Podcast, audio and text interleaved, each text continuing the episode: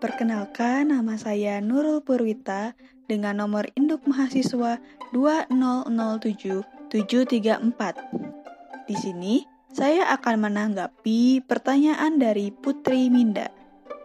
Pertama, mengenai kelebihan dan kekurangan dari Fakulti Psikologi dan juga File Psikologi.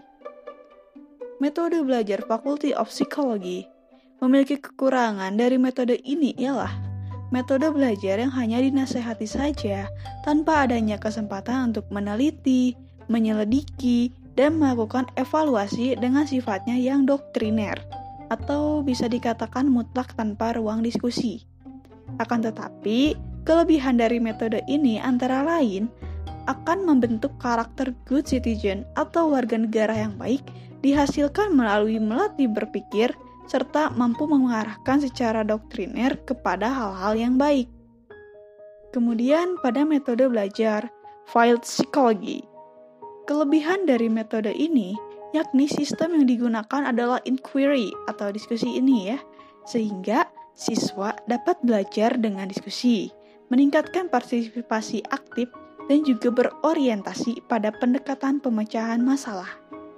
Metode ini juga dalam proses pembelajarannya bersifat demokratis serta dinamis atau mengikuti perkembangan zaman. Kekurangan dari metode ini yakni begitu luasnya akan ruang diskusi dan berpikir kritis sehingga terkadang pemikiran-pemikiran yang berorientasi pada hal negatif tidak dapat terbendung. Jadi, orientasi pemikiran dari siswa dapat melenceng dari yang seharusnya. Pada pertanyaan selanjutnya, metode pembelajaran seperti apakah yang paling ideal untuk diterapkan?